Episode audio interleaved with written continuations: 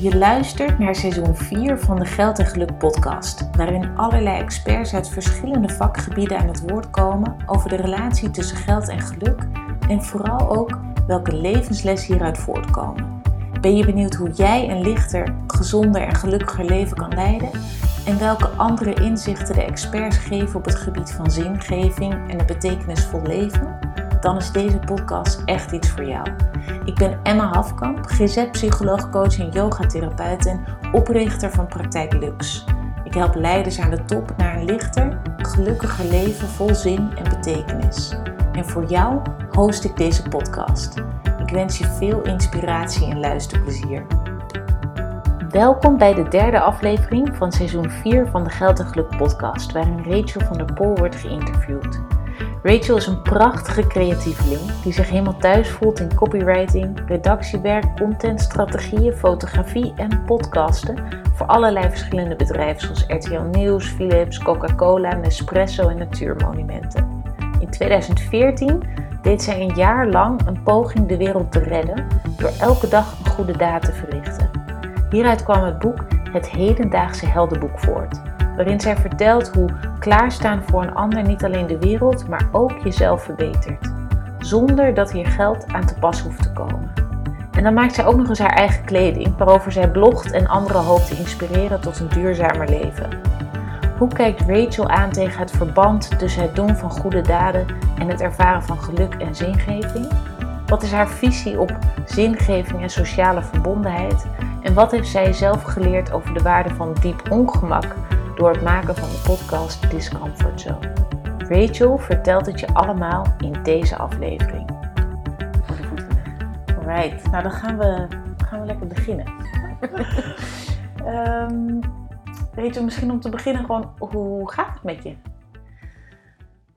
Um, nou, eigenlijk wel goed. Ja? Ja, ja. Ik, uh, moet ik dan gelijk, uh, ja, wel, op welk vlak? Ja, wa wat komt het eerst bij jou binnen?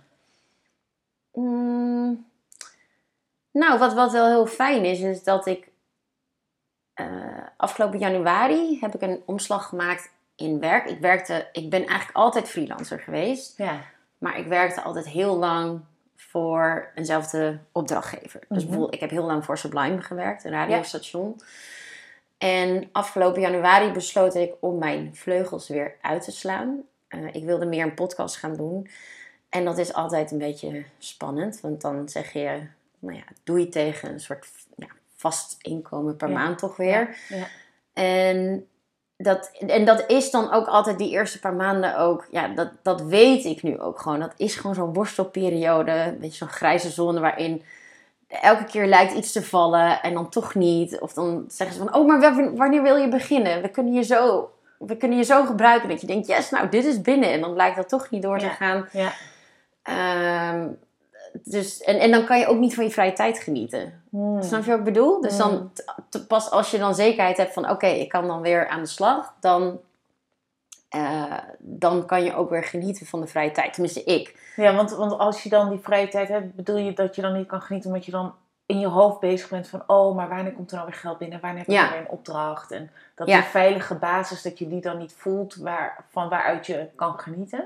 Klopt. En wat heel fijn was, was dat, nou, ten eerste dat ik eerst weer helemaal in die maalstroom van gedachten was. Mhm. En dat ik op een gegeven moment ook wel weer daar een doorbraak in had van dat ik dacht, het komt altijd goed. Ik moet me hier aan overgeven. Weet je wel, ik, ik zei nu dingen en ja, ga gewoon een beetje meevaren. Weet Ja. je wel, dat, dat, dat, dit, dat je een beetje weer gaat, gaat trappen in die gedachtenvalkuil, snap je wel? Ja, dat ja, je, ja, dat je die gedachten, die piekergedachten gaat geloven. ja, ja, dus dat ik daar weer echt even naar kon kijken Mm. en, denk, en, en zien zo van, oh ja, wat grappig eigenlijk. Dat, dat soort, malende aapje dat nu heen en weer zit te springen, omdat er nu even weer geen controle is. Ja.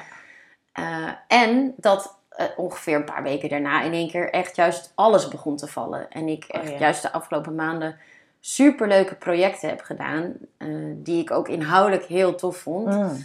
Ehm, dus, dus ja, dat, is op, dat, dat je dan zo'n beslissing neemt en dat je even weer een beetje zo zit te trappelen. Zo van, ah, hoe gaat het ook alweer? En op een gegeven moment denkt, oh ja, laat me maar gewoon even meestromen. En Ja. eh, dat, de, ja, dat nu dingen wel weer wat meer vanzelf gaan. Ja, dus je mocht meer gaan leunen in het vertrouwen dat er wel dingen komen als je maar blijft zaaien. Ja. Ja. Ja. Mooi. En wat maakte dat je eigenlijk besloot om die vaste opdrachtgever los te laten en ehm, nou, meer weer op zoek te gaan naar andersoortige projecten of meer verschillende opdrachtgevers? Ja, dat, dat was vooral omdat eh, mijn functie daarin was heel erg veranderd. Zeg maar, hoe ik Mm. daar begon, was uiteindelijk niet hoe ik al- ja, eindigde, om maar zo te zeggen. Ja. Eh, en dat is vooral ook door corona gekomen. Eh, Ja. ik, ik, ik ben daar, ik zat daar, ik was daar hoofdredacteur, ik zat in Ja. het managementteam. En op een gegeven moment kwam corona. En toen eh, was het, had ik niemand.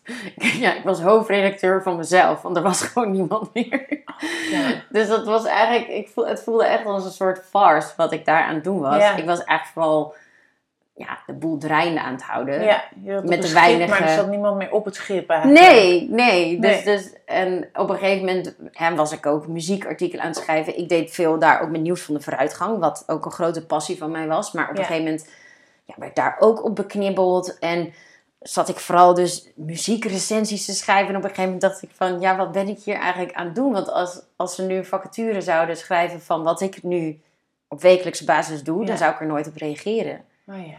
Dus Ja. ja, dat, ehm, dan trek ik op een gegeven moment de conclusie van ik moet weer verder gaan zoeken. Ja. En wat wel heel leuk was, eh Sublime was overgenomen door NRC Mhm. een jaar daarvoor. En NRC, of eh, nee, ja, en NRC is weer van Mediahuis en die wilde heel erg inzetten op audio. Hmm. Dus daaruit kwam weer Audiohuis en daar ben ik dus podcast beginnen te maken. Ja. En dat vond ik zo leuk. Dus dat maakte ook wel dat ik dacht van ja, ik wil gewoon hierin verder. Het is echt een soort passie in mij aangeboord waarvan ik zoiets heb van ja, ik, ik, ik, ik wil dit gewoon veel meer doen. Ik wil hier veel Ja. meer in leren. Wat, wat, wat, eh, wat is die passie? Wat, wat maakt dat je het zo leuk vindt? Nou, ik denk dat ik van kinds af aan eigenlijk al eh, altijd heel veel verhalen. Ja, ik, ik hield gewoon van verhalen. Ik heb op Mm. een christelijke basisschool gezeten, maar ja, ik heb nooit eigenlijk wat met geloof gehad. Maar die verhalen vond ik altijd wel heel erg spannend. Dus eh, ja, over Mozes. En ik kan het nu nogal wel navertellen. En ik verzon ook alles los en vast. dat, dus dat, ik, daar ben ik, ben ik denk ik ook geschiedenis gaan studeren. Ja. Van waarom doen we nou wat we doen, weet je wel? Hoe Ja. zit dat nou? En, en dat oorzaak en gevolg, dat vind ik zo interessant. En in, dus dat deed ik altijd als, als auteur, als schrijver, als journalist. Ja. Maar in podcast komt er nog een dimensie bij. Want dan, dan ben ik weer die verhalenverteller. Mm. Ik ben het echt aan het vertellen. En daarbij vind ik muziek ook een hele belangrijke component. Ehm, waar, waarbij het een soort dans wordt. Dus ook de muziek, daar besteed ik altijd heel veel aandacht aan. Omdat het daarmee nog meer gaat leven. Ja. Dus, het, dus ik kan meer creativiteit in kwijt. En ik, Mhm. voor mijn gevoel kan een verhaal nog meer gaan leven. Mooi. Dus dat... Ja, het is, het is een soort verdieping van wat ik al aan het doen ben. Ja. En, en wat is eh, momenteel een project waar je bijvoorbeeld mee bezig bent? Ik heb net... eh, of ik, wij zijn nu de puntjes op de i aan het zetten van een podcast die heet Wie is Poetin? Dus we gaan in zes afleveringen onderzoeken we ja, ja, waarom Poetin nou doet wat hij doet. En dat is vanuit, helemaal vanuit westers perspectief, is het soms heel moeilijk te begrijpen eh, waarom hij bepaalde beslissingen neemt. Mhm. En wat ik interessant vind, is om te kijken van ja, hoe kan je het onbegrijpelijke begrijpelijk maken. En dat kan alleen als we in de wortels gaan duiken. Weet je wel? Als je de wortels niet snapt, dan is het heel makkelijk oordelen over, hè, maar waarom steunen die Russen hem nou nog? Ja. Of waarom leeft hij nog in een soort tijd van imperialisme? Weet je wel? Wat, wat, waar zit dat dan in? Ja. En als het dan lukt om dat soort vragen duidelijk te maken, eh, en dat doen we trouwens niet om zijn gedrag goed te praten, maar wel om het te begrijpen. En vanuit daar hopelijk, ja, dat hoop je dan natuurlijk, dat luisteraars, dat, ja, dat het ook uitnodigt tot zelfreflectie. Mhm. Want bijvoorbeeld, we hebben ook een aflevering Poetin het kind. Ja. En daar zie je dat eh, Poetin is opgegroeid in Leningrad. Ja, vroeger heette dat Stalingrad. Eh, hij is acht jaar na de belegering van de Duitsers geboren. En die stad, dat is echt een soort dat is gewoon één groot trauma. Er is gewoon een derde van de inwoners is daar omgekomen tijdens de belegering. Die, die moeder heeft daar in het lijkenhuis gezeten, weet je wel. Die, die, die was flauwgevallen van honger. Die, die moeder van Poetin heeft al twee zonen verloren op jonge leeftijd. Uh, hij groeit op in armoede. Uh, zijn ouders moeten constant werken. Die zijn er eigenlijk niet. Mm. Hij zit in een flatgebouw in een kamer van 17 vierkante meter met twee andere gezinnen. Dus als je die factoren met, bij elkaar optelt, dan zie je dus dat hij heeft gewoon vanaf hele jonge leeftijd hele hoge stress gekend. En, en jouw lichaam wil overleven. Ja. En dan kom je in een survival modus. Dus dan ga je dus kijken zo van, oh ja, hoe ziet, hoe ziet iemand met, in een survival modus nou eigenlijk de wereld? Mhm. Nou, bijvoorbeeld, ik kijk nu naar jouw gezichtsuitdrukking. En ik, ik zie jou als een veilige persoon. Maar iemand in survival modus neemt ook bijvoorbeeld neutrale gezichtsuitdrukkingen al als meer als een gevaar aan. Ja. Kijk, dat wil niet zeggen dat iedereen in zo'n situatie ook uitgroeit tot een dictator. Mm. Maar je gaat wel wat meer dingen begrijpen. Ja. En wat is volgens jou nou mm, het voordeel ervan om mensen en hun gedrag meer te begrijpen? Om het te kijken of we het dan beter kunnen doen. Mhm. Ik denk dat we hier zijn om te leren. Tenminste, dat voel ik wel. Weet je wel, het is eigenlijk bijna, je, je kan het bijna zien als een spel. Ja. Je wel, oh, nou, dit werkte niet. Oké, wat werkt dan wel? Ja. En ik denk dat de enige manier waarop we kunnen leren is als we het begrijpen. Mhm. Dus zo van, hoe zat dat dan? Ja. Waarom deed ik dat dan? Ja. Dat, is, hè, dat zie je ook bij...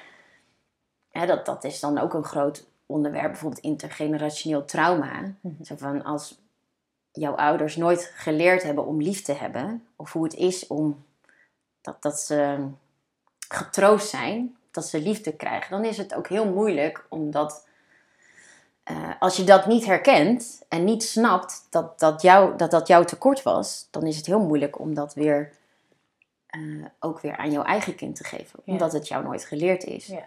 Dus, als je, dus dat begrijpen, dat is heel belangrijk. Oh ja, wat, wat kwam ik tekort als kind? En ehm, kan ik dat helen en kan ik het vervolgens, hè, zodat ik niet dat naar mijn buitenwereld ga uitleven, maar dat ik het kan oplossen in mezelf en zodat ik beter met anderen om kan gaan. En dat je die transgenerationele overdracht ook bij jou kan stoppen en niet door gaat geven. Precies, hmm. ja. ja. Zijn er ook dingen in dat proces die je bij jezelf tegen bent gekomen, waarvan je nou, van tevoren daar nog niet zoveel inzicht in had? Of, of dat het echt tot een ontdekking uh, bij jou in jouw eigen leven van, oh, ik snap nu waarom ik bepaalde dingen voel, of dat bepaalde triggers voor mij leiden tot heftige emoties? Ehm, nou ja, ik hou me hier al langer mee bezig. Dus ik, ik denk niet dat er complete verrassingen zijn. Maar ik denk wel dat dat bijvoorbeeld hè, bij die aflevering met, met uh, Poetin het kind, dan spreken we kinder- en jeugdpsychiater Binu Singh. En zij heeft mij wel enorm geraakt. Weet je wel? Ook bijvoorbeeld, zij legt ook uit van ja, trauma is niet wat je overkomt, maar het alleen zijn daarin. Hmm. En dat, uh, dat, dat raakte mij enorm, omdat ik ook in mijn eigen leven uh, de, de, de dingen die heel moeilijk voor mij waren, dat ik, denk, dat ik achteraf dan wel zie van dat was eigenlijk niet per se wat mij overkwam, maar vooral dat ik me daar dan zo ontzettend alleen in voelde. Ja, ja. En dat realiserend, hoe, hoe kan je daar dan vervolgens anders naar kijken? Of wat verandert er dan in je huidig leven voor jou dat je dat inzicht krijgt? Um, ik weet niet of het, of het in dit geval gelijk iets voor mij veranderde. Maar het troost me wel. Hmm. Omdat ik ook weet dat heel veel anderen dat dan ook hebben doorgemaakt. En dat ik dus niet alleen ben. Ja. Maar dat ik me wel het... Ja, ik weet niet. De erkenning. Van mhm. ja, ik was daar ook alleen in. En dat was ook heel moeilijk. En mhm. dat... Ehm, en, en ja, ik weet niet. Soms is het al snappen al even troost. Ja, en ik kan me ook wel voorstellen, uh, wat ik wel ook vaak bij bij bijvoorbeeld trajecten die ik doe of met klanten zie. En, en ook zelf heb ervaren dat op het moment dat je aan jezelf ook kan herkennen: hé, hey, ik was daar heel eenzaam. Dat je bijna als het ware als jouw volwassen zelf ook ehm, het gezelschap terug kan geven aan jouw kind zelf en het daarmee niet meer eenzaam is. Als, ja. als het ware dat je even je arm om jouw eigen kind zijn heen kan leggen. En zeggen, hé hey, ja, je was daar alleen, maar je bent nu niet meer alleen. Nee, klopt. Hmm, ja. ja. hey, en uh, het thema over verbetering of leren, het leven als een spel zien, maar ook goed doen. Um, dat is volgens mij al langer bij jou wel een thema in je leven. Ja. Um, is dat ook al als kind zijn? Dat je dacht, nou, ik wil goed doen voor de wereld. Of op zoek zijn naar het goede. Of wanneer is dat bij jou ontstaan? Ja, dat, ja, dat speelt wel van kinds af aan. En ik weet niet waarom dat dan zo is. Ik denk dat iedereen wel een soort blueprint heeft van ja, waar die automatisch naartoe gaat. Um, maar ja, nee, ik was als kind al heel erg mee bezig. Ik vond dat ik me vooral onrecht heel erg aantrok. Mm. Dus dat ik het heel... Bijvoorbeeld dan, dan waren er jongetjes uit de buurt en die gingen dan bijvoorbeeld kikkers op de gloeiend hete glijbaan zetten. Of uh, ja, de, dan zag ik een clip van Michael Jackson, Earth Song. Nou, dan kon, ik dan kon je hem helemaal opvegen. Of ja, ik, ik trok me dat heel erg aan. Of dan zag ik een zwerver voor het eerst in mijn leven. En dan had ik bijvoorbeeld gespaard voor een knuffel. En dan dacht ik, oh ja, nee, hier, neem, maar, neem mijn geld maar, weet je wel. Want dit kan toch niet, weet je wel. Dat, um, dus daar, ik zat dan ook bij het WNF. Ik was ook zo'n WNF Ranger. En dan kon je dus ook... ik weet niet of je dat nog weet. Of dan had je op een gegeven moment ook bij Telekids... gingen ze bijvoorbeeld ook meedoen met zo'n actie voor de, voor de zeeschildpad. En dan kon je dan eitjes verkopen. En dan, uh, nou, als je zoveel eitjes had, dan... Uh, dan, je, dan kreeg je een knuffeltje en bij oh, zo'n t-shirt en bij zo'n ja. pet. Nou, ik had alles. Ja. nou, dan ging ik door met de panda en de tijger. En ik heb wel eens gehad dat inderdaad dan buurtbewoners, geloof ik al half onder gingen duiken. Van, oh god, heb je haar en ik moet weer iets van de kopen. en, en, en maar ook wel dat ik uh, in die tijd ook nog wel heel zwart-wit daarin was. Dus dat ik ook... Uh, ja, het heel slecht trok als iemand dat daar niet zo in stond. Ik vond het altijd onbegrijpelijk hmm. dat iemand zich dat niet aantrok. Die was dan ook gelijk slecht. Weet je oh, wel? Ja. Dus dat, ja. dat is misschien ook nog wel vanuit kind zijn. Want hoe oud was je toen ongeveer? Ja, ik denk uh, vanaf mijn zesde of zo. Dat ik al dat soort dingen ging doen. En, dat en ik, deed je dat dan alleen? Of met vriendinnetjes of vriendjes? Of ging je nee, echt wel toch alleen denk ik wel. ja, toen, toen langs de deuren denk ik wel dat ik dan acht, negen was of zo. En op een gegeven moment tot mijn twaalfde, ja. ja. Nee, want ja, nee, zussen die vonden dat wat minder boeiend. Ja, ja verschillen jullie daarin? Mm, nou ja, kijk wat ik zeg. Van, ik was daar toen heel zwart-wit in. En nu zie ik ook heel duidelijk van Kijk, bijvoorbeeld mijn, ook dan hadden we bijvoorbeeld konijntjes of zo. En dan, ja, mijn zus vond het wel leuk. Maar voor mij waren ze heel, echt helemaal mijn alles, weet je wel. En dan vond ik het ook heel stom als het hok niet wilde schoonmaken. Terwijl toen ik puber was, werd ik net zo nalatig hoor. Dus dat... Ja. maar bijvoorbeeld mijn zusje is kinderverpleegkundige. Die is nu hmm. teamleider. Dus dat haar betrokkenheid zit, vind ik heel mooi, zit weer op een ander vlak. Ja. En mijn zus die is bijvoorbeeld organisatorisch heel goed. Daar ben ik een ramp in. Dus weet je, zij houdt de familie weer goed bij elkaar. Door een familieweekend te organiseren. Ja, ik, ja, dat moet je mij niet laten doen. Want ik, uh, nou, dan wordt een heel raar familieweekend. dus, dus ik, ik, zie nu wel veel duidelijker van... Oh ja, we moeten gewoon echt kijken waar ieders talent zit. Hmm. En hoe we dat kunnen inzetten. Ja, ja. En dat kijken naar talenten... Ehm, eh, is dat iets wat je ook van je ouders dan hebt meegekregen? Of is dat iets wat je zelf ehm, gaandeweg bent gaan leren of gaan waarderen? Mm, niet per se denk ik van mijn ouders. Kijk, mijn ouders die... Ik, ik denk dat ik... Ik heb van mijn ouders heel veel liefde gekregen.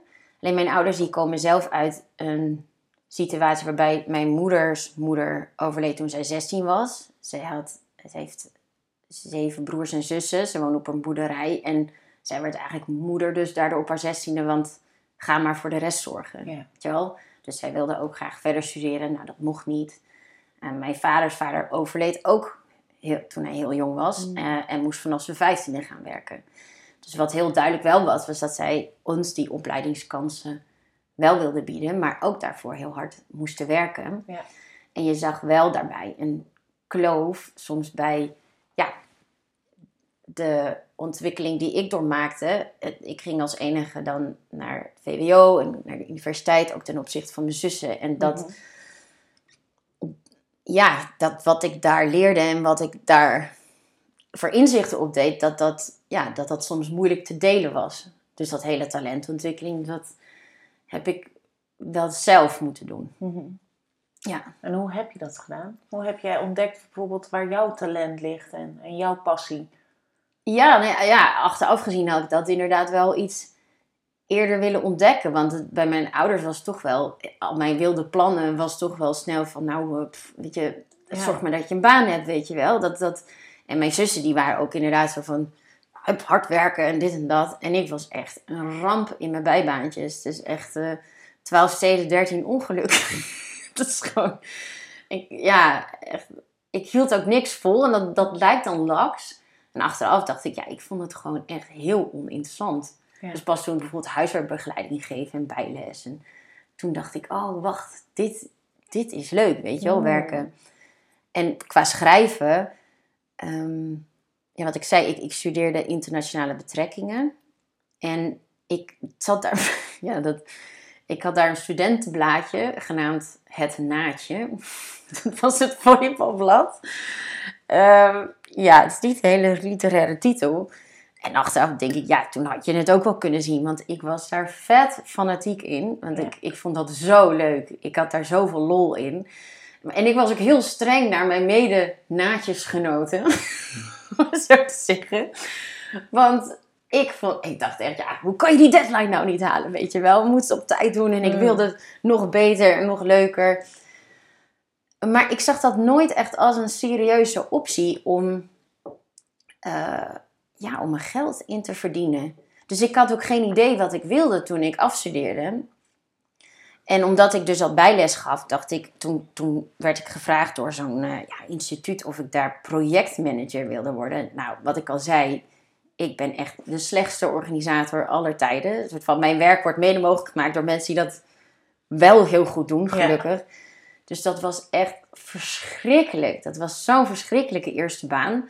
En toen kwam ik ook nog eens bij een werkgever die, ja, ik noem hem ook in mijn boek, ehm, ja, ik had echt het idee van nou, een soort achterneef van Stalin. Die, ja, die, die spoorde gewoon helemaal niet. Die ging mij dan mails om half één s'nachts sturen.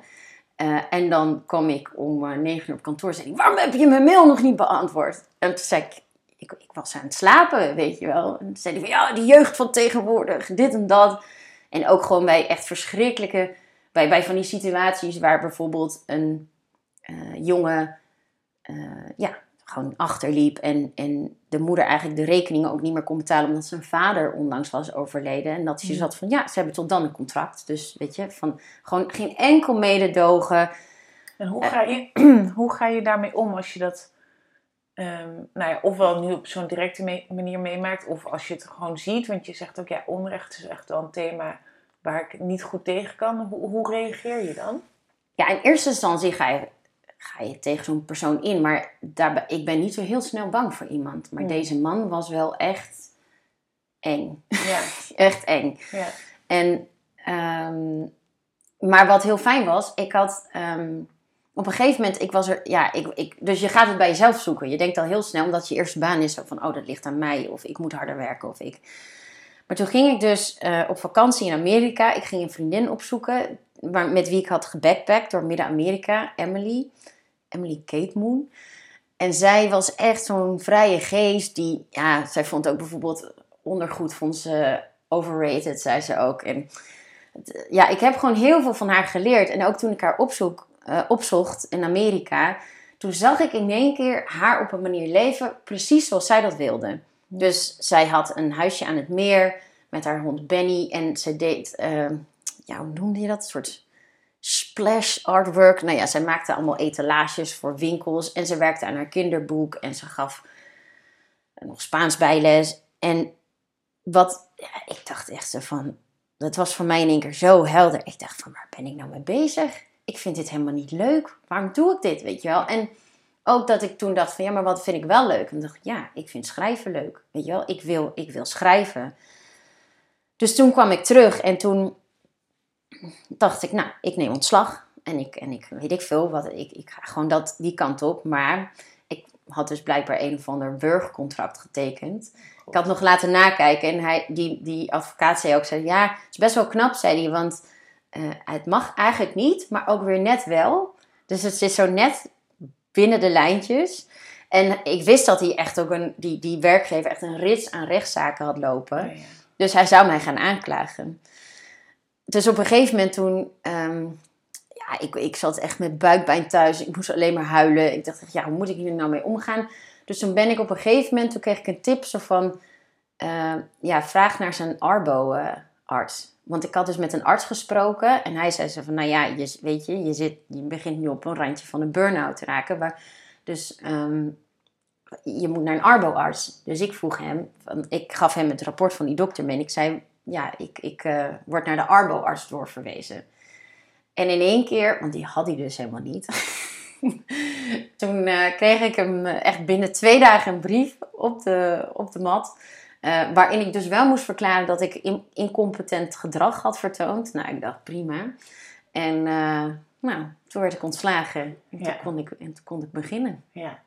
Dus eigenlijk um, het, een voorbeeld zien van iemand anders die het heel anders deed. Dat gaf jou het perspectief van, hey, er is nog meer dan dit. En sterker nog, niet alleen meer, maar ook iets wat ik... Ik kan dus iets doen wat ik heel leuk vind. En daar ook mijn geld mee verdienen. Ja, precies. En ook dat, dat je dus. Uh, daar geloof ik ook in. Op, een, op het moment dat je in een situatie zit dat dat zo vervelend is. Kijk, ik bedoel, je moet ook weer niet uh, denken dat ik daar half dood ging. Dat was het niet. Maar dat het, ik, het was wel echt, echt dikke stress. Ja. Um, dat kan je soms ook weer dwingen om te gaan reflecteren en denken van ja, maar dit nooit meer. Ja. dit nooit meer. Ja. Dus, dat, dus dat samen met inderdaad het perspectief op iets anders, dat, dat heeft voor mij wel gezorgd van, oké, weet je wel, ik, ehm, het, het kan anders. En ook dat ik ook wel, en ook wel van mijn ouders dus, wist van ja, als je iets wil in het leven, dan wordt het niet op een zilveren blaadje aangereikt. je moet dus er wel wat voor doen. Je moet er wat voor doen. Dus ik ben toen ook uh, bijvoorbeeld vrijwillig stage gaan lopen bij uh, Elsevier Media. Ik ben een thuisstudie gaan doen. En ja, zo ging het lopen. Ja, en wat ik heel erg geloof is als je um, een bepaalde vorm van zingeving in het leven ervaart. En dat kan ofwel doordat je in ieder geval bezig bent in je werk met dingen die je echt leuk en echt belangrijk vindt. Dat je voelt dat je waarde kan toevoegen. En dat jij ook jouw waarde echt kan voelen en ervaren. Dat dat een hele sterke buffer is tegen burn-out of stressklachten. Hoe, hoe zie jij dat? Ja, daar geloof ik absoluut in. Hmm. Ja. Ja. Um, nou ja, zoals je zag, mijn, mijn uh, korte carrière als projectmanager, daar zat geen enkele buffer van, van waarde. Um, en toen ik eenmaal begon te schrijven, uh, ja, toen dacht ik echt, ja, maar dit is gewoon, dit, dit is toch fantastisch dat ik gewoon geld verdien met, met wat ik leuk vind. Ja. Nu moet ik wel zeggen dat dat mhm. ook weer evolueert. Mhm. Dus eerst ben je al heel blij dat je überhaupt wel, kan schrijven en dat je er geld mee verdient. En op een gegeven moment, als dat een beetje, nou ja, als je daar een basis in hebt, uh, dat je dan ook wat meer om je heen gaat kijken en kijkt van oké, maar nu doe ik dat werk wat voor verschil maak ik met dit werk? Dus mhm. dat is ook onder meer waar dan dus ik red de wereld.nl uit is ontstaan. Ja, vertel daar eens over. Uh, ja, dat was 2014. Dat is alweer een tijdje geleden. Uh, ik werkte toen bij RTL Nieuws. Mm Het was echt een ontzettend leuke plek. Um, en ik merkte gewoon dat, dat uh, dat, ja, nou, ik, zeg, ik zei al, vanaf jeugd af aan was ik al heel erg bezig met de wereld verbeteren. En, dat, en ik moet gewoon heel eerlijk zeggen, dat was gewoon totaal beetje naar de achtergrond verdwenen. Omdat hè, helemaal in de puberteit, maar ook in mijn studententijd, hè, dan, dan ben je eigenlijk vooral heel erg met jezelf bezig. Ja. En met al je mislukte relaties vooral. En Ja. oh god, en waarom dit en dat. En ik voel me dit en de pup, pup. En nou ja, hè, dat, dus die ontwikkeling moet je dan doormaken. Eh, nou ja, op een gegeven moment was er ook eh einde gekomen aan, aan een heel lange relatie met een man met wie ik samenwoonde. Dus eh, dat, dat was ook, ja, ergens was dat lastig, maar ook wel een soort verlichting. En toen had ik, was ik in een periode waarin ik had mijn eigen huisje gekocht. Ik had, ik, ik, ik voelde me weer mezelf. En, en dat was ook zo'n periode van, ja, dat ik in één keer weer in staat was om me heen te kijken. Hmm. Want dat is het ook, hè. Je moet ruimte hebben om om je heen te kijken. En dat ik dacht van, ja, jeetje, wat, eigenlijk kan ik misschien wel iets meer dan wat ik nu doe. Hè, ik, was, ik was vegetariër bijvoorbeeld geworden. Ik merkte door die beslissing, ik was niet meer dat, dat veroordelende kind. Zo van, hè, ik doe dit en iedereen moet meedoen. Ja. Zo van, nee, oké, dit is mijn beslissing. En dat was heel grappig dat, dat mensen heel geïnteresseerd waren en ook wel dingen vroegen. En dat dus door mijn eigen beslissing mensen om me heen ook begonnen te veranderen. Ja. Niet gelijk van, oh, ik word ook vegetariër, maar wel zo van, oh, ook wat minder of Ja. eh, gerechten overname. Of, En niet zozeer omdat jij dat aan hen aan het vertellen was, maar vooral omdat je eigenlijk liet zien. ja, Dus Precies. jij bood hen in dit geval een ander perspectief. exact. Mm. En dat was een beetje zo- zo'n ja, ik weet, zo'n aha-moment voor mij. Dat ik, dat ik dacht van oké, wat kan ik nog meer? En dan gaan er op een gegeven moment, ja, ik weet niet, gaat er in het brein van alles eh, rollen. En ik weet het nog heel goed, want toen dacht ik van, oh, kan ik dan niet een blog beginnen over, hè, dat ik wat tips deel van wat kan je, wat kan je doen om, hè, in je dagelijks leven om, om eh, nou, de wereld wat beter te maken of jezelf wat beter te maken. Nou, en toen dacht ik, ja, ja, maar ja, een paar dagen in de week, wat zet het voor zoden aan de dijk? En, en dat ik echt op een nacht echt zo wakker werd en dat ik in één keer zo, zo'n idee had zo van, wat als ik het nou een jaar lang iedere dag ga doen? En ik dacht, nee, dat is, dat is gestoord, weet je wel. En hoe dan? En, maar ik kon dat idee gewoon niet loslaten. En ik voelde gewoon, en ik denk dat, dat iedereen dat gevoel wel kent, van als iets klopt, Weet je wel, dat echt zo'n soort kriebel in mijn buik zit van, ik, ik voelde gewoon aan alles, ik moet dit doen. En ik heb geen idee ja, hoe dat uit gaat pakken of wat, het, ja, wat er gaat gebeuren, maar ik, ik moet dit doen. Dus ja, toen ben ik zo'n zo'n blog gaan opzetten en eh, ja, een naam gaan verzinnen. En toen heb ik zelfs nog wat kleren gekocht voor foto's. Dus echt zo'n Superman shirt. Staat helemaal nergens op. En eh, ja, toen ben ik op 1 januari 2014 eh, de, de, de deur uitgegaan. En was mijn eerste daad dan eh, ja, met mijn buren een gelukkig nieuwjaar wensen en ze trakteren op iets lekkers. En dan, ja, toen was de kopper af. Ja. Ja. Wat, eh, want het is nu ook weer een tijd geleden, je hebt er ook in de media veel over gezegd. Als je nu dan, het is wat verder terug, zoals je er nu, kan je er misschien met nog meer afstand naar kijken. Wat, wat blijft je dan het meeste bij als je, als je bijvoorbeeld ehm, goede daden verricht of goed doen voor de mensheid? Hoe jij dat ziet, ehm, op welke manier is dat verbonden voor jou aan, aan zingeving of betekenisvol leven? Mm. Ja, je hebt dan natuurlijk je hebt het theoretische gedeelte inderdaad, wat ik nu wat beter snap, en het, en het persoonlijke gedeelte. Ehm, kijk, wat heel duidelijk uit onderzoek naar voren komt, is.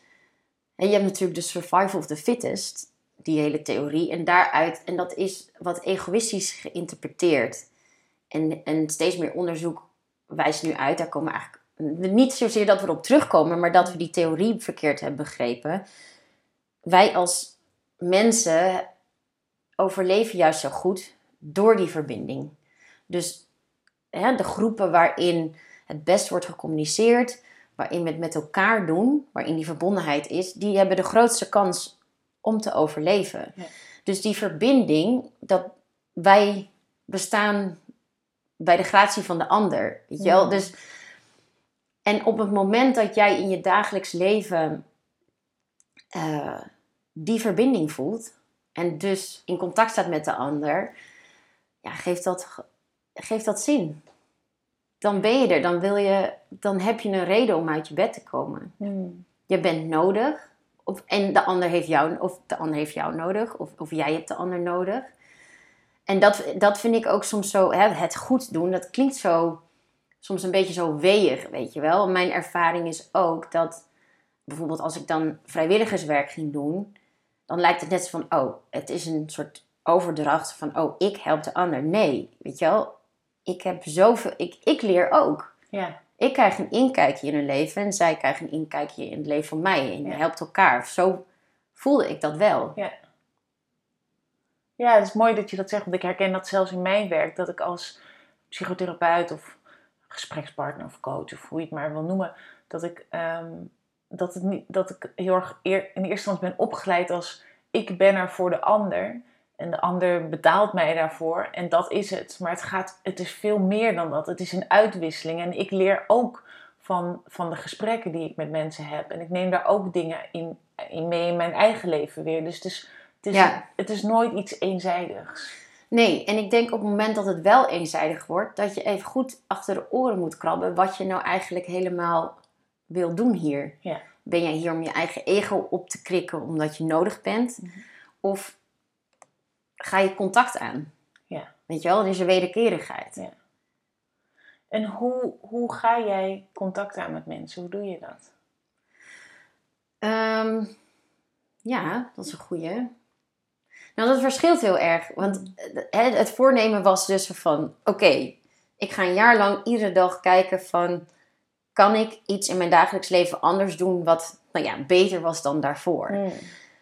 Het gevolg daarvan is... En dat is bijna een soort... Dat, wat ik later pas inzag. Een soort mindfulness. Want normaal loop je over straat met oh, ik ga van A naar B en ik moet zo laat bij de trein zijn en eh, dan moet ik op werk zijn of ik moet dan bij die vrienden zijn. Hè, dus eigenlijk eh, heb je heb je helemaal niet zo'n oog voor je omgeving. Nee, of je bent daar bezig nodig met is. het doel, met de Ja. bestemming, maar niet, niet de reis. Ja, Ja. precies. En, dat, en daarom vinden we het bijna nu normaal om langs iemand bijvoorbeeld te lopen die jou nodig heeft. Dat, dat, hè, dat, dat het eigenlijk normaal is om iemand die bijvoorbeeld dakloos is of wat dan ook, om daar geen praatje mee te maken. Want ja, die zit daar nou eenmaal en ik moet mijn trein halen. Weet je wel, dat idee. Ja. Op het moment dat je zoiets voorneemt, verandert dat allemaal. Want ja, dat klinkt heel lullig, maar ik moest ook mijn quota van de dag halen. Dat, dus, en dat, dat, dat, zo zakelijk was het natuurlijk niet. Maar daardoor ging ik veel beter opletten wat er gebeurde op straat. Dus ik had veel meer oog voor alle details om me heen. En op het moment dat ik dan bijvoorbeeld iets zag wat ik bijvoorbeeld mooi vond, of eh, hè, iemand die, weet ik veel, een hele leuke rode jas had, of ehm, pff, iemand die moeite had met zijn slot of met zijn fiets of wat dan ook, dat je daar gewoon op afliep en zei: Oh, hey, kan ik je helpen? Of Mm. eh, wat een mooie rode jas. Of, ehm, of dat ik bijvoorbeeld veel sneller 112 belde. Dat ik ook merkte dat heel veel mensen er gaan staan. Ik tot dan toe ook. En iedereen kijkt naar elkaar. In plaats van als je er bent, ga je in één keer veel eh, sneller handelen. Ja. En ja, dat contact, ja jeetje. Ik, ja, je stapt er gewoon op af. En je, en je zegt van, hé, hey, ja, hoi, kan ik helpen? Of eh, gaat het? Of eh, gaat het goed met je? Als ik dacht van, hé. Hey. Maar soms ook niet. Als ik dacht van, nou, iemand wil juist privacy. Of, Mhm. eh, maar ik merk wel dat die, de drempel veel lager is geworden. Ja. En dat het eigenlijk altijd... ehm, ja, dat het eigenlijk altijd iets, iets heel leuks werd. Of iets heel verrassends. Of ook een heel rare avonturen. Dat, Ja. dat, dat- die heb ik ook heel veel meegemaakt. Ja. ja. Heb je een voorbeeld van een raar avontuur? Ja, heel veel. Ja. Oh! Ik heb bijvoorbeeld ook een keer op... ehm, ja, op, je hebt dat Peerby. Dat is zo'n app. En Mhm. daarmee kan je bijvoorbeeld eh, spullen bij je buren lenen of uitlenen. Dus dat is vet handig, want dan voor één keer, eh, ja, als je één keer, weet ik een drillboor, ik weet eigenlijk niet eens of dat bestaat, maar nodig hebt, dan ja, ga je dan zo'n ding van 190 euro kopen of zo, of, of kan je dat even bij de buren lenen, weet je Ja. wel? Dus om ook spullen te verminderen, maar ook het contact te verbeteren, hebben ze die app in het leven geroepen. Dat is ook echt wel een succes. En ik dacht, oh, dat, eh, ik maakte er al eens gebruik van. En ik dacht, oh, dan ga ik ook mijn spullen aanbieden. Weet je wel? En toen ehm, zag ik op een gegeven moment een vrouw in die wilde mijn stofzuiger huren. En toen dacht ik, oh shit, ja. Ja, als ik A zeg, moet ik B zeggen, weet je wel. Dus, dus heb ik maar op ja geklikt of zo. van, is goed, je mag mijn stofzuiger huren. Maar ik was het alweer een beetje vergeten. En toen werd ik op een gegeven moment zo gebeld door Tineke, heette ze. Van, uh, ja, of, uh, of de afspraak nog doorging met de stofzuiger. En toen zei ik, ja, ja, ja, nee, de afspraak gaat door. En ze zei, nou, we zouden bij Café Oorlof afspreken. Um, en, en ik, ik zag al, ik ging het adres intikken. En ik zag daar echt een kast van een huis. En ik, nou ik heb er gewoon niet zo over nagedacht. Maar ik dacht, nou oké, whatever. Dus ik zou tegen Tineke, ik zeg, nou ja, ja, je herkent me aan dat meisje met die, met die stofzuiger in een rugtas, weet je wel. Dus ik door Utrecht fietsen met zo'n stofzuiger. En uh, nou, ik kom daar aan en ik zie daar echt een, een pand, jongen. Ik dacht, wie, waarom heeft deze vrouw een gehuurde stofzuiger nodig? Weet je wel? Een soort van, ik geloof dat een baksteen al meer waard is dan deze ene stofzuiger. Maar zwaar. Dus ik, ik zie die Tineke, nou, een beetje een vrouw van leeftijd. En ook echt van die kleding dat je al zo ziet van, nou, echt wel chic, weet je wel. En uh, zij zegt, oh, wat fijn en wat leuk dat het gewoon kan. Want ja, ik moest uit Den Haag komen en ik moest dit huis schoonmaken. En... Uh, ja, ik heb hier geen stofzuiger, dus nou wat fijn dat ik deze stofzuiger kan huren. En ik zei, ja, nou eh, ja, graag gedaan. En uh, nou, wij gaan naar binnen en er stonden allemaal schilderijen. Zegt ze, ja, ja, deze worden straks uh, opgehaald door de Universiteit van Leiden. En, want dat huis moest dus in de verkoop. En uh, ja, ze vertelde dus ook dat ze een stukje voor, voor Funda had geschreven. En toen zei ja, zei ik iets van... Ik weet eigenlijk niet wat ik... Echt zo'n standaard zin van... Ja, ja, dat is toch wel met zo'n pand... Iemand moet er toch wel een beetje verliefd op worden, weet je wel. En toen werd ze in één keer heel erg stil. En toen zei ze van, uh, ja, ja, zei ze van, uh, ja, het is, uh, het is van mijn man, die is net overleden. En toen, ja, het was echt zo, echt zo'n heel stil, echt moment. En ook dat je in één keer zo snapte van, oh, zij werkt in Den Haag en zij moet hier dat huis gaan schoonmaken, waar ze samen met haar man heel veel is geweest. En ja, het was gewoon echt zo'n bijzondere loop van omstandigheden. En ook, nou ja, toen, toen, toen op een gegeven moment doorbrak ze deelte, zegt ze, nou, genoeg verdrietig, zegt ze, ja, wat, wat doe jij hier? Want ik neem aan dat, dat jij dit ook niet echt voor het geld doet, zo'n stofzuiger En toen vertelde ik dus over mijn project waar ik mee bezig was. En toen was zij zo geïnteresseerd. Zei ze van, nou, ik zou heel graag met je hierna, als ik het huis schoon heb gemaakt, een kop koffie met je willen drinken. Ja, dus gingen we daarna nog een kop koffie drinken. En uh, nou, toen stelde ik nog iets meer daarover. En toen bleek dus dat zij iets van de hoogste rechter, rechter was bij vreemdelingenzaken. En toen zei ze op een gegeven moment echt zo heel plechtig, zei ze van, zegt ze ja, zegt ze, ik, um, ik moet het in mijn werk altijd bij de feiten houden. Maar ik ben zo onder de indruk van je verhaal, zegt ze. En um, ik heb een etentje zaterdag met vrienden en ik weet al waar ik het over ga hebben. Ik ga het hier over hebben. Uh, en ik ga mij ook voornemen om iedere dag uh, iets, iets goeds in mijn leven te doen. En ook in mijn werk, zei ze. Nou, ik, dan denk je echt... En toen had ze me ook nog een fles wijn meegegeven aan het eind. En toen dacht ik ook, er zat ook nog allemaal van dat... Ja, dat, turfsteen is dat zelfs, geloof ik. Van dat hele en toen dacht ik voor de grap, nou, ik ga toch eens opzoeken wat voor wijn dat was. Nou, dat bleek dus ook echt uh, zo'n zo duizelingwekkende wijn uit zo'n kelder te zijn. Dat je ook denkt van, ja, dat maak je gewoon anders niet mee. Weet je wel? Het is, dat, dat vond ik er ook zo mooi aan. Dat je, ook al had ik niet altijd zin, toch als ik me er dan toe zette, gebeurde er bijna altijd dingen waarvan ik denk, ja, dit had ik echt nooit willen missen. Nee. Dus, dus het maakt het leven ook op een, op, op, nou, op gewoon heel veel verschillende manieren maakt het heel rijk als je meer in contact treedt met mensen, los nog even van de goede daden die je dan hebt. Ja, ja, nou ja, het leven wordt gewoon echt avontuurlijker. Ja. Want je bent niet meer van, oh, ik, hè, ik ga van A naar B en moet zus en dit is hè, de hele dag staat al vastgebeiteld. Ook met onze agenda's en wat dan ook. Ja. En als je besluit van, oh, ik, ik ga gewoon elke dag om mij heen kijken en ook gewoon eens ja zeggen op dingen waarvan je denkt, ja, ik heb geen idee waar ik nu ja tegen zeg, maar het zal wel. Eh, dat is natuurlijk niet makkelijk, want daar heb je ook niet altijd zin in. Want je Mm. moet dan door zo'n soort ongemak heen. En ook, ja, ik bedoel, ik snap ook wel, ik heb ook wel eens dat ik liever voor Netflix ga zitten. En dat doe ik ook. Maar als, som- als je het toch doet, dan daarna ben je zo blij. Dan denk je, jeetje, wat was dit een cool avontuur. Ja. Is dat dan ook de waarde van ongemak voor jou? Dat het je altijd iets oplevert, iets nieuws oplevert of voldoening oplevert of een nieuwe ervaring oplevert waar je van kan leren? Ja, ja. Ja, ik denk dat eh, we ongemak pas opzoeken als we niet anders kunnen. Hè? We zijn toch een beetje gewoontedieren. Dus eh, we sukkelen een beetje door. En dan totdat je echt niet meer kan, dan merk je van oké, mijn oude manieren werken niet meer. Ik moet iets anders proberen. Ik moet iets nieuws verzinnen. Eh, ik moet iets nieuws proberen en pas dan gaan we daarin. Dus, dus ik snap echt wel waarom je dat niet zomaar opzoekt. En dat, en dat doe ik soms ook niet altijd. Eh, maar als je het eenmaal wel doet, dan leer je gewoon... Ja, we hebben eigenlijk zo'n beperkte blik op de wereld. En door in dat ongemak te gaan, ja, maken we letterlijk meer ruimte voor nieuwe perspectieven op dingen. Dus bijvoorbeeld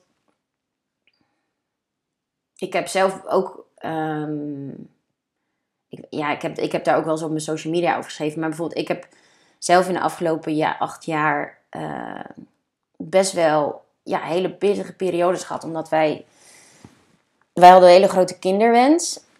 En dat, ja, dat ging gewoon niet vanzelf. En we hebben een dochtertje, Nora, gelukkig, van vier jaar. En daar zijn we heel dankbaar voor.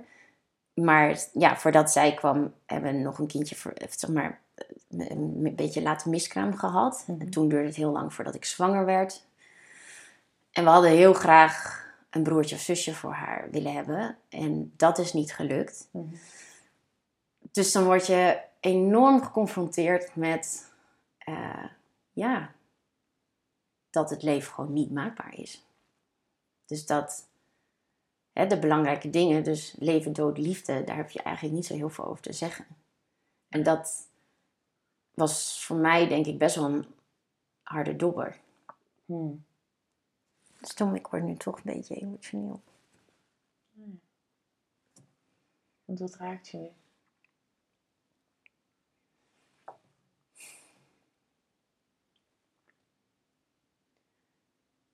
Ja, het is gewoon een klein traumaatje. Of een groot trauma? Eigenlijk, ja.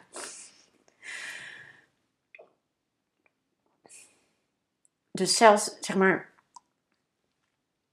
ik denk dat ik daar trauma ook heel interessant vind. Hmm. Want zelfs, zeg maar, als je er, als je vrede hebt met je situatie van nu, merk ik dat bijvoorbeeld nu in zo'n gesprek of bijvoorbeeld, even weer.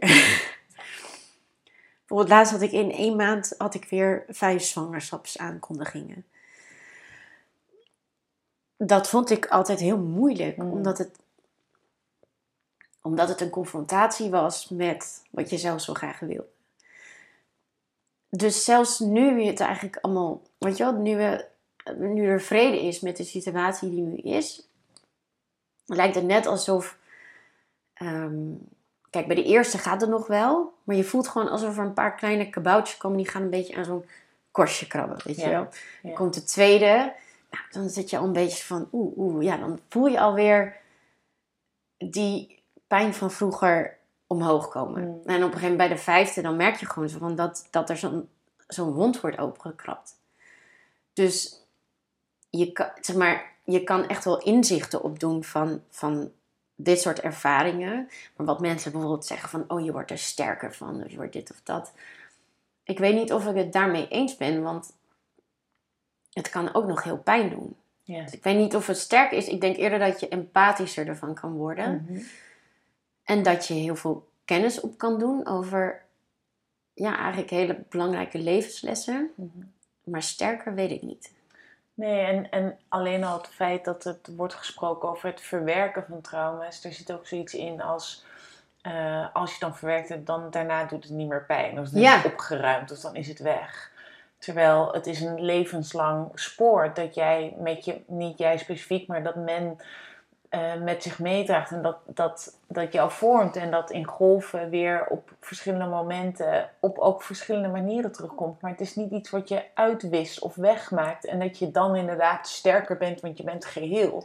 Precies, ja, dat, dat is het denk ik. Bijvoorbeeld wat ik ook zo typerend vond was, ehm, nou ja, daar kunnen we het later nog over hebben, maar ik heb ook een podcast, Discomfort Zone. Mhm. En uh, een van mijn gasten was Marjan Mudder. En zij is ook um, therapeut, gespecialiseerd in angstproblematiek. Mm zij doet ook EFT, en dat is ook een soort, um, ja, soort EMDR, traumatherapie. Ja. Uh, en zij vertelde bijvoorbeeld in de podcast over nou ja, trauma waar zij was doorgegaan. En zelfs dus iemand die ook EFT op zichzelf kan doen en echt van alles heeft gedaan, zij schoot ook weer vol. Ja. Omdat je gewoon toch door bepaalde gesprekken, bijvoorbeeld nu, dat je even helemaal in dat moment zit. En dus in die emotie. Ja. Dus ja, dat en, is en daar zit voor mij juist het sterke in. Dat je uh, dus jezelf uh, veilig genoeg voelt en sterk genoeg voelt om juist wel in verbinding met jouw hele emotionele wereld te staan. En dat die emoties dus op mogen komen, dat je ook weet dat ze ook weer weggaan en dat je ze aan kan om te voelen. Dat is het, denk ik. Dat is heel mooi gezegd. Hmm. Ja. Precies. Want dat had ik dan onlangs ook inderdaad. Van, oh, dan, dan werd er even weer zo'n korstje opengekrapt. Ja. Maar wat ik heb geleerd, ook bijvoorbeeld door... Ehm, ik heb bijvoorbeeld twee keer zo'n inner walk gedaan. Is een heel verhaal. Maar daardoor heb ik inderdaad geleerd van... Oh ja, deze emoties zijn er nu. En ik laat ze gewoon helemaal toe. En dat is helemaal oké. En ik hoef ook niet te vroeten in... Oh, en waarom? En moet ik dan tot dit ze zijn er gewoon en ze gaan ook weer voorbij. Ja. En dat, dus kan ik in meer rust die pijn ervaren. Ja. Maar die pijn is er wel even. Ja. Ja. Ja.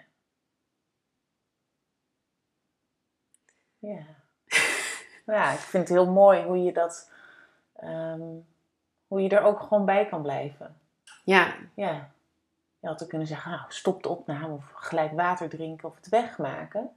Wat ook een heel begrijpelijke reactie kan zijn. En wat, wat veel mensen ook kunnen doen. Omdat ze denken, oh, dit mag niet of dit hoort niet. Of ik zou er nu toch al overheen moeten zijn, want ik had het toch verwerkt. Ja, dat is niet zwart-wit. Ook dat is niet zwart-wit. Betekent niet dat je geen pijn meer voelt als je iets verwerkt hebt. Je kan het verwerkt hebben en nog steeds ook af en toe daar pijn over voelen. Ja, ja en, ik, en ik geloof ook heel erg in. Want je zei net van, hé, hey, hoe ga je dat contact dan aan? Ik denk ook, ja, kwetsbaarheid roept kwetsbaarheid op. Dus als, als je wil dat mensen opener zijn, dan moet je eerst zelf open durven zijn. Waardoor mensen ook weer veilig genoeg voelen om. Ja, um, ja over de, zodat de lastige dingen worden, ja, zijn misschien nog steeds wel lastig, maar wat normaler. Dat als je een keer mm. aan elkaar vraagt van hé, hey, hoe gaat het met je? Dat het wat normaler wordt om te zeggen, ja, of hoe voel je je, weet je wel. Dat, dat het oké is om dan te zeggen van, ja, oh ja, ik voel me eigenlijk vandaag niet zo goed. En soms is dat het al. Dat je gewoon al even kan delen zo van, ja, ik voel me vandaag even niet zo goed. Want dat is heel normaal, weet je wel. Ja, het, het, leven is gewoon net als alle seizoenen. Nou, soms stormt het en soms regent het en dan schijnt de zon. En ja dat we gewoon leren daar wat beter naar te kijken. Zo van, oh ja, ik zit nu even in de winter of zo, weet je wel. Dat, het,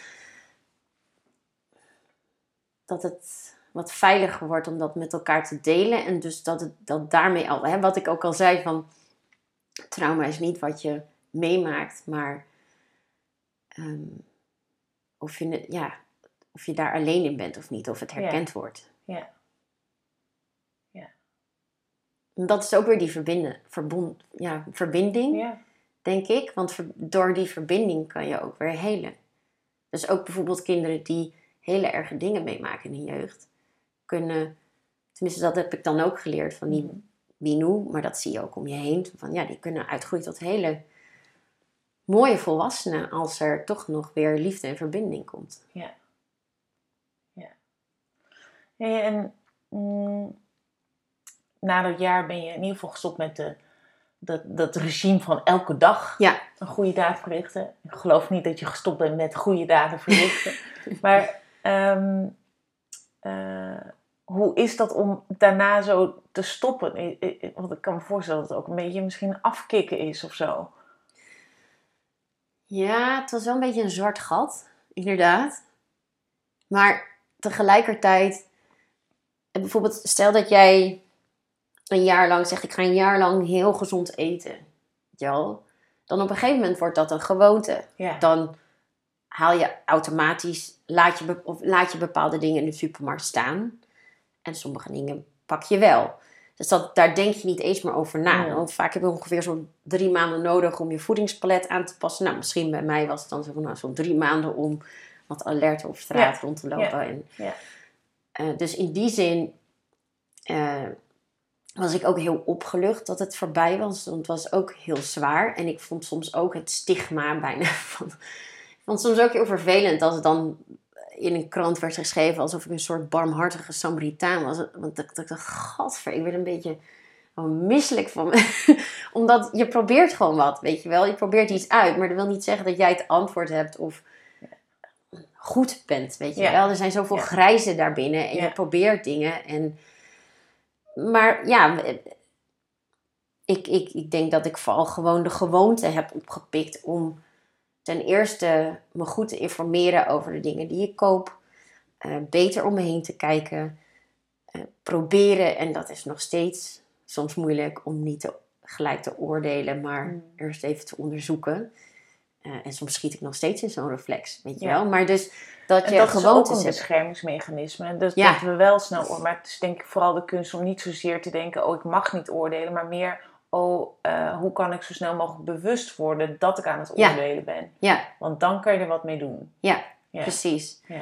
Dus uh, nee, dat regime was over.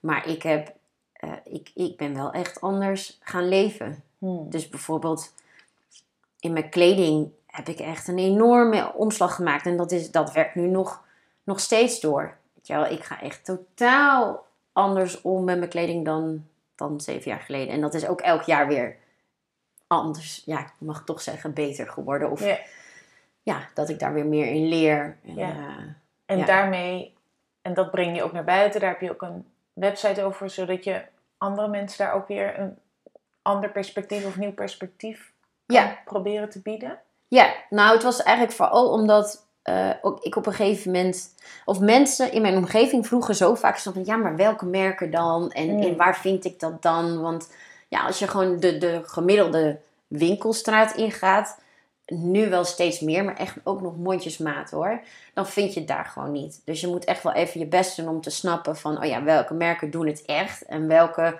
merken zijn aan het greenwashen. Zoals bijvoorbeeld een H&M Conscious is terecht, ondanks flink op de vingers getikt. Uh, dat ze mensen het idee geven dat ze eigenlijk door hun kleding te kopen duurzamer bezig zijn. Ja, dat is natuurlijk een totaal omgekeerde wereld ja. en predinatie. Uh, dus toen dacht ik van, hé, hey, ja, ik heb inmiddels ja, toch best wel veel kennis hierop gedaan. Ja, waarom dat dan weer niet delen in een blog? Ja. Uh, dus dat doe ik op, nu denk ik ook, waarom heb ik dit als titel gekozen? Want het is niet uitspreken whatwonderwomanwear.com. Ja. ja, en het grappige is, ik ben daar zelf ook weer verder in gegaan. Want uh, in de coronatijd ben ik bijvoorbeeld begonnen met nijles. Mm. Uh, en toen heb ik, uh, dat was vorig jaar, toen dacht ik, oh, dat, dat, lijkt me wel lachen om eens te proberen. Van, ik ga gewoon een jaar geen kleding kopen, maar ook geen tweedehands. Want zelfs op Vinted werd ik weer een beetje koopverslaafd. En dan, dan stond het van, oh, vandaag geen verzendkosten. En dan ging ik in één keer, ik dacht, daar staat dit op. Zo van, oh, oh vanavond, uh, weet je, of gewoon uit verveling, hè. Maar natuurlijk, in, tijdens corona was het natuurlijk niet zo heel veel te beleven. Dus ik dacht van, ja, dit, slaat nergens op. Nu ga ik weer veel te veel tweedehands shoppen. Dus dat, dat zet ook geen zoden aan de dijk. Dus toen ben ik dus, dacht ik van, nou, ik ga een jaar geen kleding kopen. En mijn loophole was dan, uh, dat, ik, dat ik dan wel mijn kleding mocht maken. Dus dat, dan moest ik het wel heel graag willen. Ja. um, dus toen, ben, toen uh, heb ik wel mijn nice skills uh, ontwikkeld. En nu deel ik dan weer heel veel filmpjes daarvan. Uh, ja, hoe je dan dingen kan maken zelf. Ja, fantastisch. En ook dat is weer heel erg leuk. En ook voor mij leerzaam. Want ik bedoel, ik wist natuurlijk wel. Het, het gaat natuurlijk nergens over dat, je, dat er een spijkerbroek voor 15 euro te koop is. Dat, dat kan gewoon niet. Als je alleen al bedenkt wat er nodig is om katoen te telen, om dat te verschepen, om dat tot een stof te naaien, dat vervolgens weer te verschepen naar een naaiatelier. Dat wordt door, door mensen in elkaar gezet. Dan moet dat weer verschepen 15 euro. En, dan, en nu, nu je zelf een keer zo'n kledingstuk maakt, hè, van A tot Z, dan denk je echt, mijn god, het is echt, dit, dit kan gewoon niet. Hoe kan dit? Dit slaat helemaal nergens op. Het, is, het is gewoon een, echt een vaardigheid die mensen daar gewoon in veel te hoog tempo moeten uitoefenen. En dat voornamelijk vrouwen dan uh, met zo'n 80 uur werk in de week niet rond kunnen komen. En hun kinderen nog steeds geen onderwijs kunnen bieden. En dat je gewoon soms baby's aan hun voeten ziet, omdat er geen, ja, er is geen kinderopvang. En dat je denkt, ja, dat, dat is gewoon nog steeds 90% van onze kleding. Ja. Dan niet meer. Hoe hou jij ehm, hoop, of, of in ieder geval een optimistische blik op de wereld, als je ook steeds meer van dat soort dingen ontdekt, dat er ofwel uh, weinig vooruitgang is, of nog helemaal geen vooruitgang in, het opzicht van duurzaamheid of mensenrechten? Nou, ik, ik, ja, ik heb juist heel veel hoop, omdat eh, dat wat we in de krant staan niet altijd representatief is voor de vooruitgang die plaatsvindt en die daar heel erg aan uh, voorbij gaat. Er gebeuren heel veel dingen. En wat ik heel mooi vind is dat, ehm, dat er juist heel veel goede dingen gebeuren en dat begint soms met woede. Dus bijvoorbeeld een Tony Chocoloni is begonnen uit woede. Van hoe kan het dat ik geen chocola kan kopen waar geen slavernij aan te pas komt? Hoe kan dat? En vanuit die woede, want dan kan je eerst boos blijven en dan hè, komt vervolgens ga je naar die woede kijken en denk je, ja oké, wat is mijn rol erin? Wat kan ik? En dat mensen dan gaan handelen. En er zijn heel veel mensen die dat doen, Alleen we zien dat bijna niet. Hmm. Als je kijkt naar de Human Development Index van de VN, gaan we elk jaar een stukje vooruit op het gebied van onderwijs, op het gebied van mensenrechten, op, noem maar op. Ik heb heel lang bij Nieuws van de Vooruitgang gezeten. Ja. En aan het eind van het jaar deden we altijd een nieuwsoverzicht op, op allerlei gebieden. Dus uh, gezondheid, mensenrechten, natuur, um, nou, en dan was het echt, dachten we, mijn god, hoe moeten we al dit, waar, hoe moeten we al dit goede nieuws gaan clusteren, weet je wel? Dat je bijna niet wist waar je moest beginnen. En zelfs na dat coronajaar, wat dan overal in de media werd eh, neergezet als het zwartste jaar. En dat, het, dat er zoveel vooruitgang is geweest op het gebied van medische doorbraken ook. Hè? Maar ook bijvoorbeeld in Frankrijk, als je ziet wat daar is gedaan op het gebied van dierenrechten. Tot, ja, ik, het is te veel om op te noemen. Ja. Maar het jammer is dat dat maar een heel klein plekje krijgt in ons medialandschap. En dat vind ik heel kwalijk. Ja. Als je toch weer even teruggaat naar dat brein van ons, dan ehm, zijn er. Kijk, we kunnen heel veel dingen heel goed, maar sommige dingen zijn wat minder in. En ten eerste zijn we niet zo goed in de lange termijn. En ten tweede is ons brein wordt heel erg aangetrokken door drama. Want dat, hè, daardoor overleefden we vroeger sneller. Zo van, oh, tijger, wat dan ook. Oké, snel rennen. Ja. Ehm, dus wat je dus, dus ons brein wordt dus constant gevoed met, met zeg maar, die, die wordt dus aangetrokken door die drama dramatische dingen. En we krijgen te weinig informatie over de lange termijn. Dus bijvoorbeeld een cijfer als, oh, de, de, nou, de Human Development Index is met 0,2 vooruit gegaan. Ja, dat zegt ons brein helemaal niks. Nee. Maar dat staat dus voor de vooruitgang voor miljarden mensen. Ja. Dus dat, is bijna niet te bevatten. En ik vind dat daar een hele serieuze rol voor de media ligt om dat meer naar voren te brengen en mensen perspectief te brengen. Ja. Want wat je eigenlijk nu constant in bijna ieder artikel leest, nee, trouwens, dat vind ik overdreven, er zijn heel veel goede artikelen, maar in een groot deel van de artikelen stopt het eigenlijk abrupt en is het einde eigenlijk, en ze leefde nog kort en ongelukkig. Dat, en dat is gewoon niet zo. Nee. En als het wel zo is, vind ik ook dat het hun rol is om te kijken van hé, hey, oké, waar hebben we dit probleem eerder gezien? Wat werd er eerder mee gedaan? Wat werkte wel? Wat werkte niet? Want je, de rol van media is ten eerste om de macht te controleren, maar ook om betrokkenheid te stimuleren in de maatschappij. Mhm. En wat je nu ziet, is door deze manier van nieuws voeren, is dat steeds meer mensen nieuws gaan mijden. Met name vrouwen trouwens. Uh, of dat het apathie oproept. Ja. Omdat het zo groot lijkt ja. dat mensen denken: ja, maar wat kan ik hier aan doen? Ja. Dit is te groot. Dus komen we dan ook weer terug op um, jouw passie voor verhalen vertellen? Omdat dat natuurlijk vaker bij mensen emoties oproept. En dat het dus ook juist verhalen vertellen over de dingen die wel goed gaan. Of het verhalen vertellen over wat zo'n cijfer nou betekent. Dat dat meer um, emotie oproept, meer verbinding oproept. Ja. Meer woede soms misschien ook wel oproept. Maar daarmee weer motor kan zijn voor vooruitgang. Ja, ja en, en niet om sprookjes te vertellen. Hè? Mhm. Ik ben wel voor uh, want dat, dat vond ik soms heel jammer. Dat, dat bijvoorbeeld zo'n zo'n nieuws van vooruitgang werd gezien als... Uh, oh, dat zijn die, uh, die deugdmensen. Die mm. mensen sprookjes... weet je wel, die, die, die sprookjesvertellers. Nee, wij kijken heel... Of tenminste, ik werk er niet meer. Maar als ik... Je kijkt heel realistisch naar... Oké, wat is aan de hand? Wat is het probleem? dat durf je recht in de bek aan te kijken... Hè, in plaats van weg te kijken of te zeggen, ja, zo zit de wereld nou eenmaal in elkaar. En dan ga je nadenken over oplossingen. Ik vind dat een stuk stoerder dan wegkijken. Ja. Dus dat, um, ik weet eigenlijk niet eens meer wat je vraag is, wat ik aan het beantwoorden was.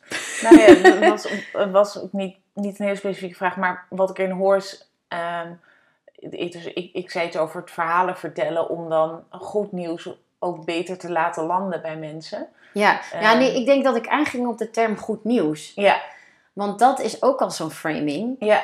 Ik hou liever van constructief nieuws. Ja. En dat is net als een beetje het traumaverhaal waar we het over hadden. Het hoeft niet helemaal opgeruimd te zijn. Dus, hè, we leefden nog lang in gelukkig. Ja, dat, ja. Daar komen altijd weer nieuwe uitdagingen. Dat is gewoon het leven. Dat is, dat is ook het leren weer. Maar hoe kunnen we mensen daar perspectief in bieden? Als er geen hoop is, ja, wat, wat is er dan om voor te leven? Weet je, dat kan zelfs ziekmakend zijn. Als mensen geen hoop meer hebben, dan kunnen ze daar zelfs ziek van worden. Dus ik vind dat daar, als je het hebt over de, wat je verantwoordelijkheid als nieuws, als journalistiek, uh, vind ik dat daar nog een hele grote stap in gezet kan worden. Want er gebeurt genoeg. En dan kijk maar eens even goed om je heen. Ja. ja. Heb jij nog een laatste mm, boodschap of iets dat je kwijt wil waar ik niet naar gevraagd heb, maar waarvan je denkt, nou dat vind ik nog wel belangrijk om in deze podcast nog mee te geven? Naast al het mooie inzichten en perspectieven die je al hebt geboden. Hmm, dat is een goeie. Nou, wat ik misschien wel leuk, wat misschien nog een leuk weetje is, is voor mensen die dan denken van ja, wat maakt het nou uit wat ik doe? Je bent nou eenmaal een, een draad in het web van het leven. Ja. Dus ook niks doen heeft effect. Als jij wel iets doet en ten positieve iets bijdraagt of ten positieve iemand benadert. De wetenschap heeft ook onderzocht, dat goede daden besmettelijk zijn. Dus als jij iets goeds doet voor een ander, dan is die ander ook geneigd, die, die voelt dan een soort motivatie om dat weer door te geven. Dus het is niet wie goed doet, goed ontmoet, maar wie goed ontmoet, doet goed. Dus misschien is dat nog leuk om in je achterhoofd te houden als je op straat loopt en iets ziet waarvan je denkt: oh, misschien kan ik mijn hulp wel aanbieden. Of misschien kan ik iemand complimenteren. Of mijn buren zomaar een kopje soep geven. Dat die handeling niet stopt bij jou, hmm. maar door gaat werken. Ja, mooi. Dankjewel. Ja, heel erg leuk dat ik uh, mijn verhaal mocht doen. Ja. Dankjewel. Graag gedaan. Ik hoop dat je genoten hebt van de aflevering en dat je geïnspireerd bent geraakt. Wil je geen enkele aflevering missen? Abonneer je dan op de Geld en Geluk podcast door op de knop volgen of abonneer te klikken. Ook zou ik het ontzettend waarderen als je een review achter wil laten in de app waarmee je deze aflevering hebt geluisterd. En heb je nu het gevoel dat jij ook op zoek wilt gaan naar hoe jij een lichter, gelukkiger en meer betekenisvol leven kan gaan leiden? Bekijk dan mijn aanbod op de website www.praktijk-lux.nl of stuur een e-mail naar info.praktijk-lux.nl. Ik kijk er naar uit om je te ontmoeten.